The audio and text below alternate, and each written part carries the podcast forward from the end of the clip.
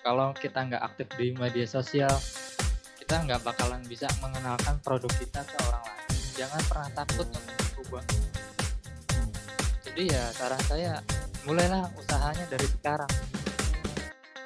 So pertanyaan pertama adalah eh, bagaimana strategi dari Omima, Sate Babi Bawah Pohon, dan Kokwito menentukan positioning di tengah banyaknya kompetitor dengan produk sejenis? Positioning dari Omima itu mulai dari packaging. Benar apa kata Kak Alis yang tadi sama Kak Alton, packaging kita harus bagus, packaging kita itu harus sesuai dengan produk kita. Misalkan produk kita itu panas, jangan sampai produk kita panas atau gorengan kita memakai uh, packagingnya itu dari plastik. Pasti bakalan meleleh gitu. Hmm. positioning selanjutnya itu dari logonya. Logonya itu harus menarik harus mudah diingat. Oh misalkan oh uh, Om Ima itu uh, ada sendok garpu ada bintang gitu. Jadi kan gampang. Terus positioning selanjutnya itu kita harus uh, aktif di media sosial. Kalau kita nggak aktif di media sosial, kita nggak bakalan bisa mengenalkan produk kita ke orang lain. Intinya sih gitu. Uh, gimana caranya kita harus uh, research dulu lah ibaratnya siapa sih siapa sih yang ber uh, berada di situ bisnisnya sama siapa sama siapa kayak gitu loh contoh-contohnya kalau kita pribadi dari Kokito kita ngeliat dulu pertama kemarin kayak kenapa kita masuk di Mexican karena uh, gimana kita mau taruh positioningnya kayak gimana karena kita ngeliat kompetitor juga sih. Kita ngeliat ada kalau di Jakarta mungkin teman-teman udah kenal Amigos hmm. atau taco lokal itu mereka kan high end kan kebanyakan kan high end. Harganya kayak gimana.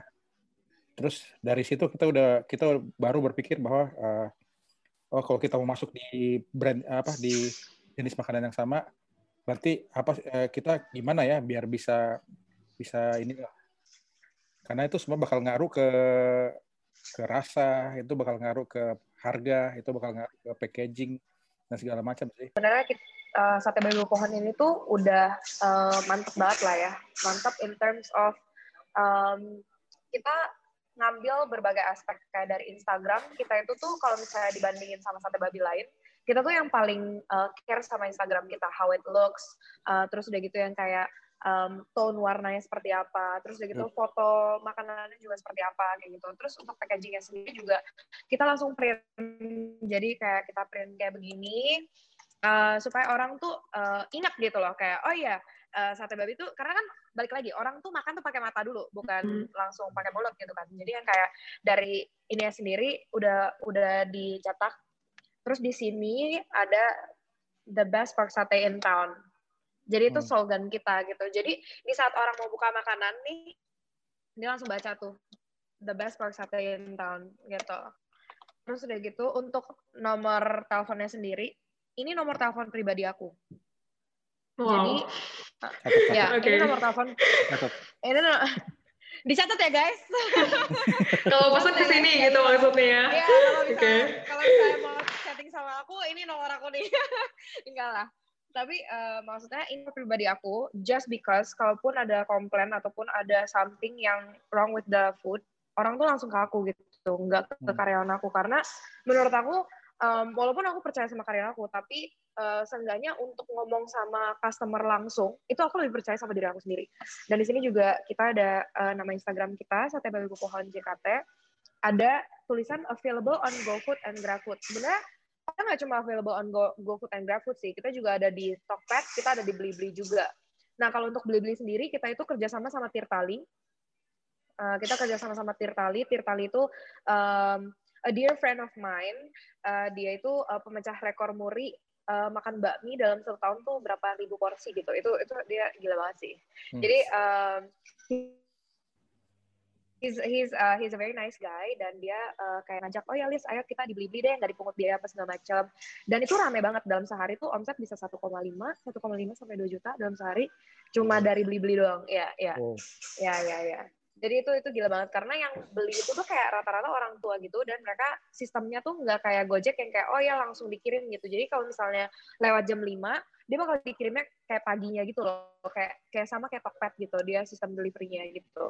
Apakah sebaiknya pengusaha kuliner yang baru memulai mengadopsi konsep ghost kitchen atau tetap menyediakan tempat untuk dine in pertimbangan apa saja yang perlu dipikirkan? Kalau kita sendiri sih uh, ini sebetulnya uh, bukan dapur ya, berarti saya bukan dapur saya dalam artian yang apa yang saya biasa yang kemarin kita berpikir untuk orang bisa duduk-duduk minum kopi dan segala macam sekarang kita berpikir lebih lebih ini aja lebih efisien aja dalam artian we looking at something yang bisa lebih lebih fast moving aja. Orang bisa people people could just stop di depan terus beli terus bawa pulang atau bisa makan di situ quick quick and go aja gitu loh. Makanya sekarang kalau kalau dari kita sih emang sekarang kayak saran kita sih emang kayak gitu saat ini sih kalau mau buka tempat sih. Jadi emang hmm. benar-benar nggak punya dapur, nggak punya toko, nggak punya outlet, hmm. cuma mengandalkan uh, GoFood dan GrabFood. Cuma itu aja. Dan uh, sebenarnya sih agak riskan ya. Hmm. Agak riskan kalau misalkan kalian mau berbisnis, kalian mau berbisnis tapi di masa pandemi kayak gini karena satu pasti akan ada PSBB hmm. jilid sekian sekian sekian bla bla bla bla. Satu. Terus kedua yang operasional juga nggak panjang. Terus kita mau nyewa gedungnya itu kayak gimana? Modalnya itu harus gede. Kalau emang kalian mau berbisnis dari ghost, ghost kitchen aja dulu nggak apa-apa. Hmm. dari online food aja dulu nggak apa-apa. Karena saya juga dulu online food. Saya dulu online food itu cuma modal dua ratus lima puluh ribu dan jual kentang goreng jadi hmm. apa? Jangan pernah takut untuk berubah. Hmm. Jadi ya saran saya mulailah usahanya dari sekarang. Hmm. hmm. Dan tambahan lagi dan menurut emang menurut data GoFood tren sekarang itu adalah rice bowl. Karena apa? Orang pasti nyari yang pasti paket nasi itu paling dicari sekarang. Hmm. Cukup hmm. dari saya.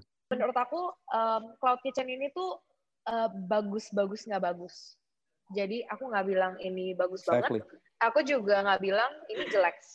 Tapi balik lagi, please reflect on your business model. Itu True. satu. Please matengin konsepnya. Please matengin um, karena itu resiko gitu loh. Uh, untuk cloud kitchen sendiri, setahu aku tuh kamu tuh cuma bisa jualan lewat sosmed. Itu satu. Karena cloud kitchennya sendiri nggak sampai narok nggak semua cloud kitchen taruh logo kamu tuh di depan gitu. True. Dan kayak menurut aku um, agak riskan kalau misalnya kamu mau bayar sewa karena kan tiap tempat tuh beda-beda gitu ya. Aku pernah di hmm. uh, diajakin sama salah satu cloud kitchen gitu. Udahlah aku harus bayar sewa, aku harus bagi hasil gitu. Belum nanti potongan dari Gojeknya. Jadi kayak daripada kamu jualan di cloud kitchen dan kamu tuh sebenarnya kayak sumbang sih sama tempatnya, mendingan hmm. kamu start small, start small, um, cari tempat yang lebih murah menurut aku. Karena enggak um, cloud kitchen yang murah menurut aku fasilitasnya kurang. Cloud kitchen yang mahal menurut aku uh, kamu nggak bakal untung gitu. Susah yeah. banget buat untung. Ibaratnya kecuali kalau kamu jualan yang COGS-nya kita ngomong modalnya kayak cuma 2000 3000 kamu bisa jual kayak 40000. Nah, itu hmm. masih masih make sense gitu. Makanya kayak menurut aku kayak modal kamu, bisnis modal kamu itu tuh sangat-sangat yeah. penting karena modal menentukan untung, untung menentukan margin. Kalian harus mikir kalau misalnya gue dalam satu bulan jualan, kita ngomong omset 100 juta misalnya, 100 juta. Karyawan berapa? Karyawan kalian potong, pembagian Gojek kalian potong, sewa kalian potong, revenue sharing kalian potong. Misalnya kamu punya partner nih, kamu kan juga harus potong gitu loh. Hmm, hmm. Jadi kayak itu tuh itu bakal ngefek banget gitu loh. Jangan sampai kamu tuh yang kayak oh iya kayaknya bisa deh karena makan gue enak gitu tuh menurut hmm. aku um, harus ada yang bisa ngitung. Harus ada yang bisa ngitung. Exactly. Jangan jangan nyemplung ngeluarin modal tapi ujung-ujungnya nggak siap terus udah gitu nanti malah saling salah-salahan yang ada bukan yang cari partner malah cari musuh gitu Gimana sih tips menciptakan konten dan visual yang baik untuk sebuah usaha kuliner? Untuk kontennya sendiri, uh, I always try uh, to make it fun dan easy dilihat orang. Jangan terlalu banyak teks, karena orang visual kan. Kita ngomong uh, sosmed hmm. tuh visual. Hmm. Jadi perbanyak gambar, perbanyak gambar. Kalaupun ada tulisan, please gede-gede dan bold.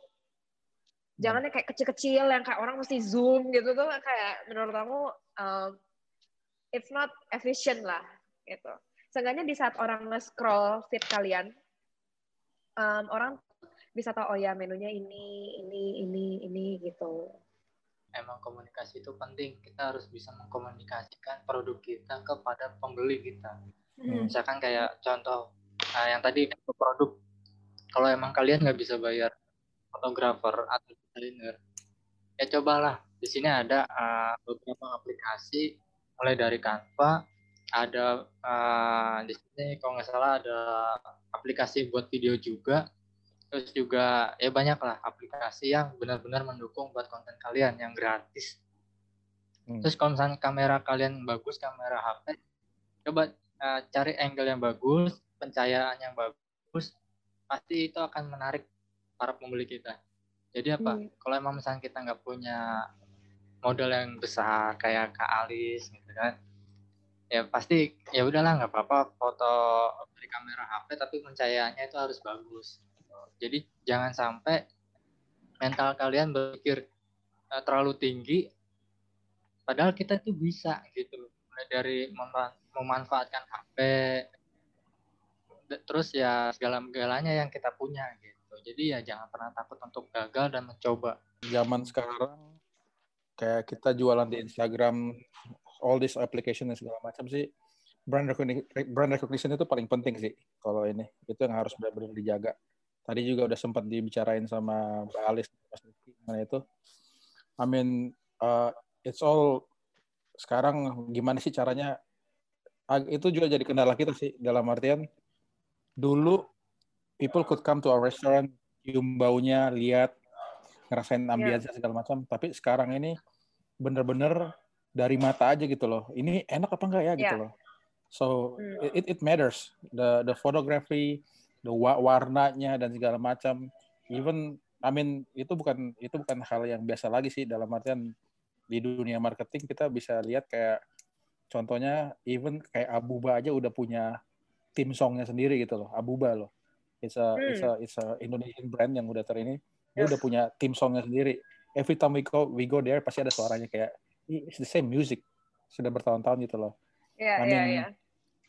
well we have to adapt sama itu sih it's it's all general knowledge yang harus kita kita gali aja dan harus dimanfaatin saat ini sih. Perubahan signifikan apa apa aja yang paling dirasakan dalam dunia bisnis dari sebelum dan saat pandemik? Penyesuaian apa saja yang dibutuhkan agar tetap dapat bertahan di kondisi seperti ini? Yang tadinya aku udah eh, uh, 60 juta minus, sekarang tuh aku malah plus dan sekarang sate babi tuh uh, more stable than ever sih. Tapi kalau misalnya ditanya mendingan sebelum pandemi atau setelah pandemi menurut aku setelah pandemi sih. Karena dari pandemi ini kita actually punya banyak waktu untuk di rumah hmm. punya banyak waktu untuk mikirin what's next. Ya. dan yang kayak um, um, mencoba beberapa opsi. Jadi kita punya lebih banyak waktu untuk mencoba berbagai opsi.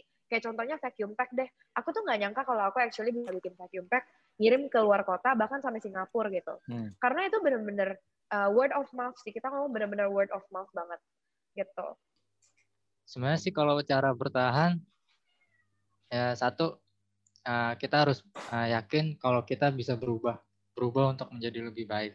Terus yang kedua uh, bisnis kita ini harus melihat pangsa pasarnya. Misalkan di sini pangsa pasarnya range harganya itu misal uh, medium lah misalnya dari 16.000 sampai 40.000 gitu. Terus apalagi ketiga kita juga harus main ads ya main Instagram Ads atau medsos lainnya gitu ads-nya. Itu uh, kita harus menentukan jarak maksimal paling banter itu 3 km jangan sampai lebih. Karena apa? Kita harus cari dan kita harus uh, giring itu semua 3 km para calon pembeli kita. Karena apa? Kalau kita ads-nya terlalu luas uh, iklan itu nggak bakalan efektif we just we just have, have to hustle aja terus. Kerja aja terus. Jalan hmm. aja terus gitu loh. Nggak nggak berhenti. Karena hmm. ya maksudnya coming from dari saya sendiri ya maksudnya dulu usaha usahawan terus terlibat di organisasi-organisasi juga organisasi usahawan juga kadang-kadang masih ada rasa rasa kecil hati juga bilang gue sekarang lagi jualan ini nih gitu loh. Tapi ada kecil hati bilang teman-teman gue bakal bilang apa ya? Tapi ya it's not gonna apa yang lo pikirin apa yang lo rasakan itu it's not gonna fit your family gitu loh. It's not gonna make you any money gitu kalau kalau berpikir kayak gitu. Jadi saat ini ya you just have to keep going aja hajar terus gitu loh. Hmm.